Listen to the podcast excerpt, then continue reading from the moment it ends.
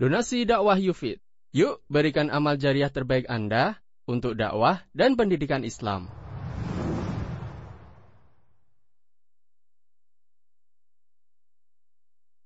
إن الحمد لله نحمده ونستعينه ونستغفره ونعوذ بالله من شرور أنفسنا ومن سيئات أعمالنا من يهده الله فلا مضل له ومن يضلل فلا هادي له.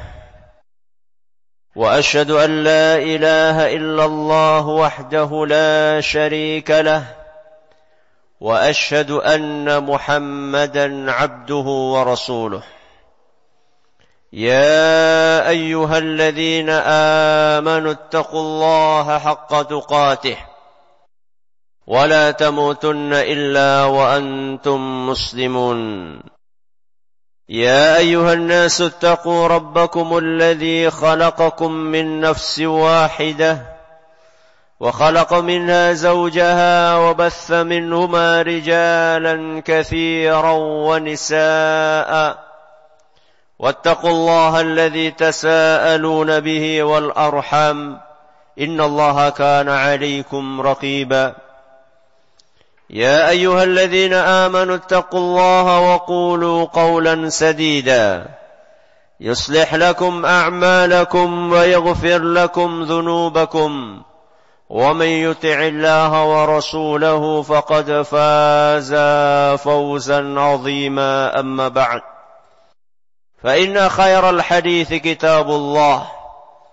وخير الهدي هدي محمد صلى الله عليه وعلى اله وصحبه وسلم وشر الأمور محدثاتها وكل بدعه ضلاله جماعة جمعه رحمكم الله Marilah kita tingkatkan ketakwaan kita kepada Allah Subhanahu wa taala dengan ketakwaan yang sebenar-benarnya yaitu dengan mengamalkan apa yang diperintahkan oleh Allah Subhanahu wa taala dan oleh Rasulnya sallallahu alaihi wasallam serta menjauhi apa yang dilarang oleh Allah Subhanahu wa taala dan oleh Rasulnya sallallahu alaihi wa ala alihi wa sahbihi wasallam. Jamaah Jumat yang semoga senantiasa dimuliakan Allah pada hari ini pada hari ini Jumat 5 Zulhijjah 1439 Hijriyah adalah hari yang istimewa dan bersejarah bagi bangsa Indonesia. Menilik peristiwa sejarah Indonesia 75 tahun yang lalu dalam kalender Hijriyah. Kita dapatkan bahwa pada hari Jumat 9 Ramadhan 1364 Hijriah, Insinyur Soekarno membacakan proklamasi kemerdekaan Republik Indonesia. Tentu, ini adalah anugerah yang besar dari Allah Subhanahu wa taala. Proklamasi kemerdekaan di hari yang paling mulia dan di bulan yang paling mulia. Kemerdekaan. Kemerdekaan adalah cita-cita setiap warga negara dimanapun berada. Sebagai seorang hamba Allah, kemerdekaan bukanlah semata terbebas dari penjajahan bangsa lain.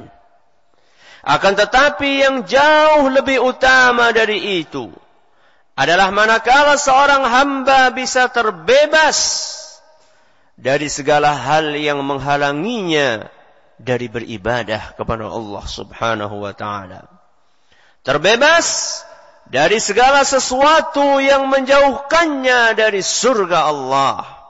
Karena maksud dan tujuan hidup manusia adalah untuk beribadah kepada Allah.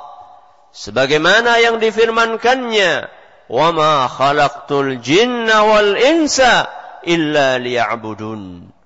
Aku tidak menciptakan jin dan manusia, melainkan agar mereka beribadah kepadaku. Al-Quran Surat Az-Zariyat ayat 56. Ma'asyiral muslimin rahimakumullah. Tentu setiap kita ingin menjadi manusia yang merdeka dengan seutuhnya. Hidup tanpa ketergantungan terhadap sesuatu. Hidup aman dan bebas dari penghambaan dan penjajahan. Setiap orang berani untuk membeli dengan harga mahal kemerdekaan yang hakiki itu. Karena jika tidak merdeka, berarti setiap saat siap untuk disiksa, dilucuti, dibentak-bentak, diusir, dihina, diserobot, didiskriminasi atau bahkan dibunuh. Akan tetapi, ironisnya banyak orang belum mengetahui apa itu kemerdekaan yang hakiki. Mereka belum bisa membedakan antara kemerdekaan hakiki dan keterpurukan. Ketika kita tidak mengetahui apa itu kemerdekaan hakiki, tentu kita akan terperosok ke dalam kemerdekaan semu sehingga acuh tak acuh dan tidak berusaha meraih kemerdekaan hakiki atau bahkan mengganti kemerdekaan hakiki yang telah didapatkan dengan keterpurukan dan kehinaan. Sidang Jumat yang dirahmati Allah. Merdeka dalam Islam. Dimaknai dengan sikap ketundukan dan kepatuhan. Merdeka adalah penghambaan mutlak kepada zat yang berhak untuk disembah. Yaitu Allah subhanahu wa ta'ala. Merdeka adalah terbebas dari segala belenggu penjajahan sesama manusia dan keluar dari keterpurukan hidup di dunia. Ketika seorang muslim terbebas dari penghambaan kepada selain Allah dan tunduk serta patuh kepada aturan dan hukum Allah, di sanalah muncul kemerdekaan sejati dan hakiki. Kemerdekaan inilah Tujuan diutusnya Nabi Muhammad sallallahu alaihi wasallam ke muka bumi. Juga tujuan dakwah para sahabat dan kaum mukminin yang mengikuti jalan beliau. Ketika peristiwa pertempuran Qadisiyah terjadi, yaitu pertempuran antara kaum muslimin dengan bangsa Persia Panglima kaum muslimin saat itu yaitu Sa'ad bin Abi Waqqas radhiyallahu anhu mengutus salah satu prajuritnya Rib'i bin Amir untuk menghadap panglima Persia yaitu Rustum. Dalam pertemuan tersebut Rustum bertanya kepada Rib'i apa tujuan pasukan kaum muslimin datang menuju Persia? Kenapa mereka datang ke Persia? Maka dengan lantang Rib'i menjawab dengan kalimat yang dicatat dengan tinta emas oleh sejarah. Kalimat itu dinukil di dalam kitab Al-Bidayah wan Nihayah dan buku-buku sejarah yang lainnya. Rib'i berkata, Allah bta'athana linukhrija man sya'a min ibadatil ibadi ila ibadatillah. Allah subhanahu wa ta'ala kirim kami untuk memerdekakan siapa yang dikehendakinya dari penghambaan pada sesama manusia menuju penghambaan kepada Allah semata. Wa min dunya ila sa'atiha. Untuk memerdekakan mereka dari dunia yang sempit menuju dunia yang luas. Wa min jawril adiyani ila adlil Islam serta memerdekakan manusia dari kesewenang-wenangan agama lain menuju kepada keadilan Islam. Jamaah Jumat yang diberkahi Allah. Lihatlah bagaimana seorang sahabat yang mulia Bilal bin Rabah radhiyallahu anhu yang memahami makna kemerdekaan hakiki. Ketika itu beliau menjadi budak menjadi hamba sahaya Abu Jahal. Walaupun jasadnya disiksa dengan siksaan yang teramat pedih. Akan tetapi beliau tetap mempertahankan keimanannya. Sebab beliau memiliki jiwa yang merdeka. Jiwa yang bertauhid dan tunduk hanya kepada Allah. Dengan itulah beliau menjadi hamba yang merdeka seutuhnya. Nabi kita Muhammad sallallahu alaihi wasallam dengan risalah yang beliau emban memiliki misi untuk membawa manusia kepada kemerdekaan yang paling hakiki. Kemerdekaan dari kegelapan menuju kepada hidayah Allah dari kebodohan menuju kepada ilmu pengetahuan. Dari kezaliman menuju kepada keadilan. Kemerdekaan. Yang menjadi gerbang besar menuju kemenangan di dunia dan akhirat. Sebuah gerakan kemerdekaan yang dalam waktu singkat mengilhami seluruh penjuru bumi. Bahkan menginspirasi Eropa untuk beranjak dari masa kegelapan kepada masa kemajuan.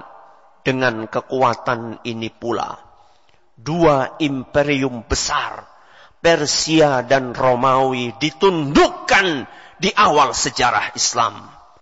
Kemerdekaan tersebut adalah tauhid. Sehingga apabila tauhid itu dicampakkan, maka keterpurukan dan kehinaanlah yang akan dialami oleh umat dan bangsa ini. أقول قولي هذا وأستغفر الله لي ولكم ولجميع المسلمين والمسلمات فاستغفروه إنه هو الغفور الرحيم الحمد لله غافر الذنب وقابل التوب الشديد العقاب ذي الطول لا إله إلا هو إليه المصير وأشهد أن لا إله إلا الله لا ند له سبحانه ولا شبيه ولا مثيل ولا نذير وأشهد أن محمدا عبده ورسوله البشير النذير والسراج المنير صلى الله وسلم وبارك عليه وعلى آله وصحبه kulli tabi'in mustanir. Sidang Jumat yang kami hormati. Satu contoh nyata yang Allah kisahkan di dalam Al-Quran dan harus kita jadikan pelajaran. Yaitu kisah Nabi Musa alaihi salam dengan Bani Israel. Yaitu ketika Nabi Musa alaihi salam dengan izin Allah sukses untuk memerdekakan kaumnya Bani Israel dari penjajahan dan penyembahan kepada Fir'aun yang mengaku sebagai Tuhan. Bani Israel akhirnya menghirup kemerdekaan hakiki. Setelah sekian lama menjalani kerja paksa, diperlakukan diskriminatif dan dipaksa untuk menyembah Fir'aun. Dalam Al-Quran. Kisah Nabi Musa dengan Bani Israel ini diabadikan sebagaimana dalam firman Allah Subhanahu wa taala wa idh qala Musa liqaumihi ya qaum اذكروا نعمة الله عليكم إذ جعل فيكم أنبياء وجعلكم ملوكا وآتاكم ما لم يؤت أحدا من العالمين Ingatlah ketika Musa berkata kaum kepada kaumnya wahai kaumku ingatlah nikmat Allah kepada kalian Ketika Allah mengangkat para nabi dari kalian, menjadikan kalian sebagai orang-orang yang merdeka, dan dia juga memberikan kepada kalian apa yang belum pernah diberikan kepada seorang pun sebelum kalian. Ya qaum idkhulul ardal muqaddasata allati kataballahu lakum. Wa la tartaddu ala adbarikum fatanqalibu khasirin wahai kaumku. Masuklah kalian ke tanah suci Palestina yang telah ditentukan oleh Allah untuk kalian dan jangan kalian berbalik ke belakang karena takut kepada musuh. Nanti kalian akan menjadi orang-orang yang merugi. Al-Quran Surat Al-Ma'idah ayat 20 sampai 21 sayangnya kemerdekaan yang Bani Israel rasakan tidak mau mereka syukuri pembangkangan demi pembangkangan mereka lakukan terhadap Nabi Musa alaihissalam. Ajaran terhadap tauhid mereka khianati dengan menyembah patung anak sapi. Khianat adalah sikap yang kemudian membuat kemerdekaan yang mereka dapatkan menjadi sia-sia belaka. Mereka mengganti kemerdekaan yang hakiki dengan kesesatan dan keterpurukan lantaran kesombongan dan pembangkangan mereka. Karena itulah mereka dilaknat dan dimurkai oleh Allah di dunia dan di akhirat. Inilah akibat yang akan menimpa apabila kita tidak mentauhidkan Allah. Sudahkah kita berusaha untuk meraih kemerdekaan hakiki tersebut. Apabila belum, usaha apakah yang sudah kita lakukan untuk meraihnya? Apabila sudah, bersyukurlah. Dan jagalah nikmat terbesar ini. Kemudian ajaklah umat manusia untuk meraih kemerdekaan yang hakiki ini. Hada. Wa sallu wa sallimu rahimakumullah. على الصادق الأمين. كما أمركم بذلك مولاكم رب العالمين. فقال سبحانه إن الله وملائكته يصلون على النبي يا أيها الذين آمنوا صلوا عليه وسلموا تسليما. اللهم صل على سيدنا محمد وعلى آل سيدنا محمد كما صليت على سيدنا إبراهيم. وعلى آل سيدنا إبراهيم إنك حميد مجيد. اللهم بارك على سيدنا محمد وعلى آل سيدنا محمد كما باركت على سيدنا إبراهيم وعلى آل سيدنا إبراهيم إنك حميد مجيد. ربنا ظلمنا أنفسنا وإن لم تغفر لنا وترحمنا لنكونن من الخاسرين. ربنا اغفر لنا ولإخواننا الذين سبقونا بالإيمان. ولا تجعل في قلوبنا غلا للذين آمنوا. ربنا إنك رؤوف رحيم. ربنا لا تزغ قلوبنا بعد إذ هديتنا وهب لنا من لدنك رحمة إنك أنت الوهاب. اللهم نجي إخواننا المنكوبين في لمبك ونجي إخواننا المؤمنين المستضعفين في برما وسوريا وفلسطين وفي كل مكان. اللهم اشدد وتأتك على كفار برما الظالمين وعلى جيوش بشار المجرمين ومن حالفهم من الروس والصين وإيران واليهود الظالمين. يا عزيز يا جبار اللهم اجعلها عليهم سنين كسني يوسف. ربنا آتنا في الدنيا حسنة وفي الآخرة حسنة وقنا عذاب النار. وصلى الله على نبينا محمد وعلى آله وصحبه أجمعين ومن تبعهم بإحسان إلى يوم الدين وآخر دعوانا أن الحمد لله رب العالمين.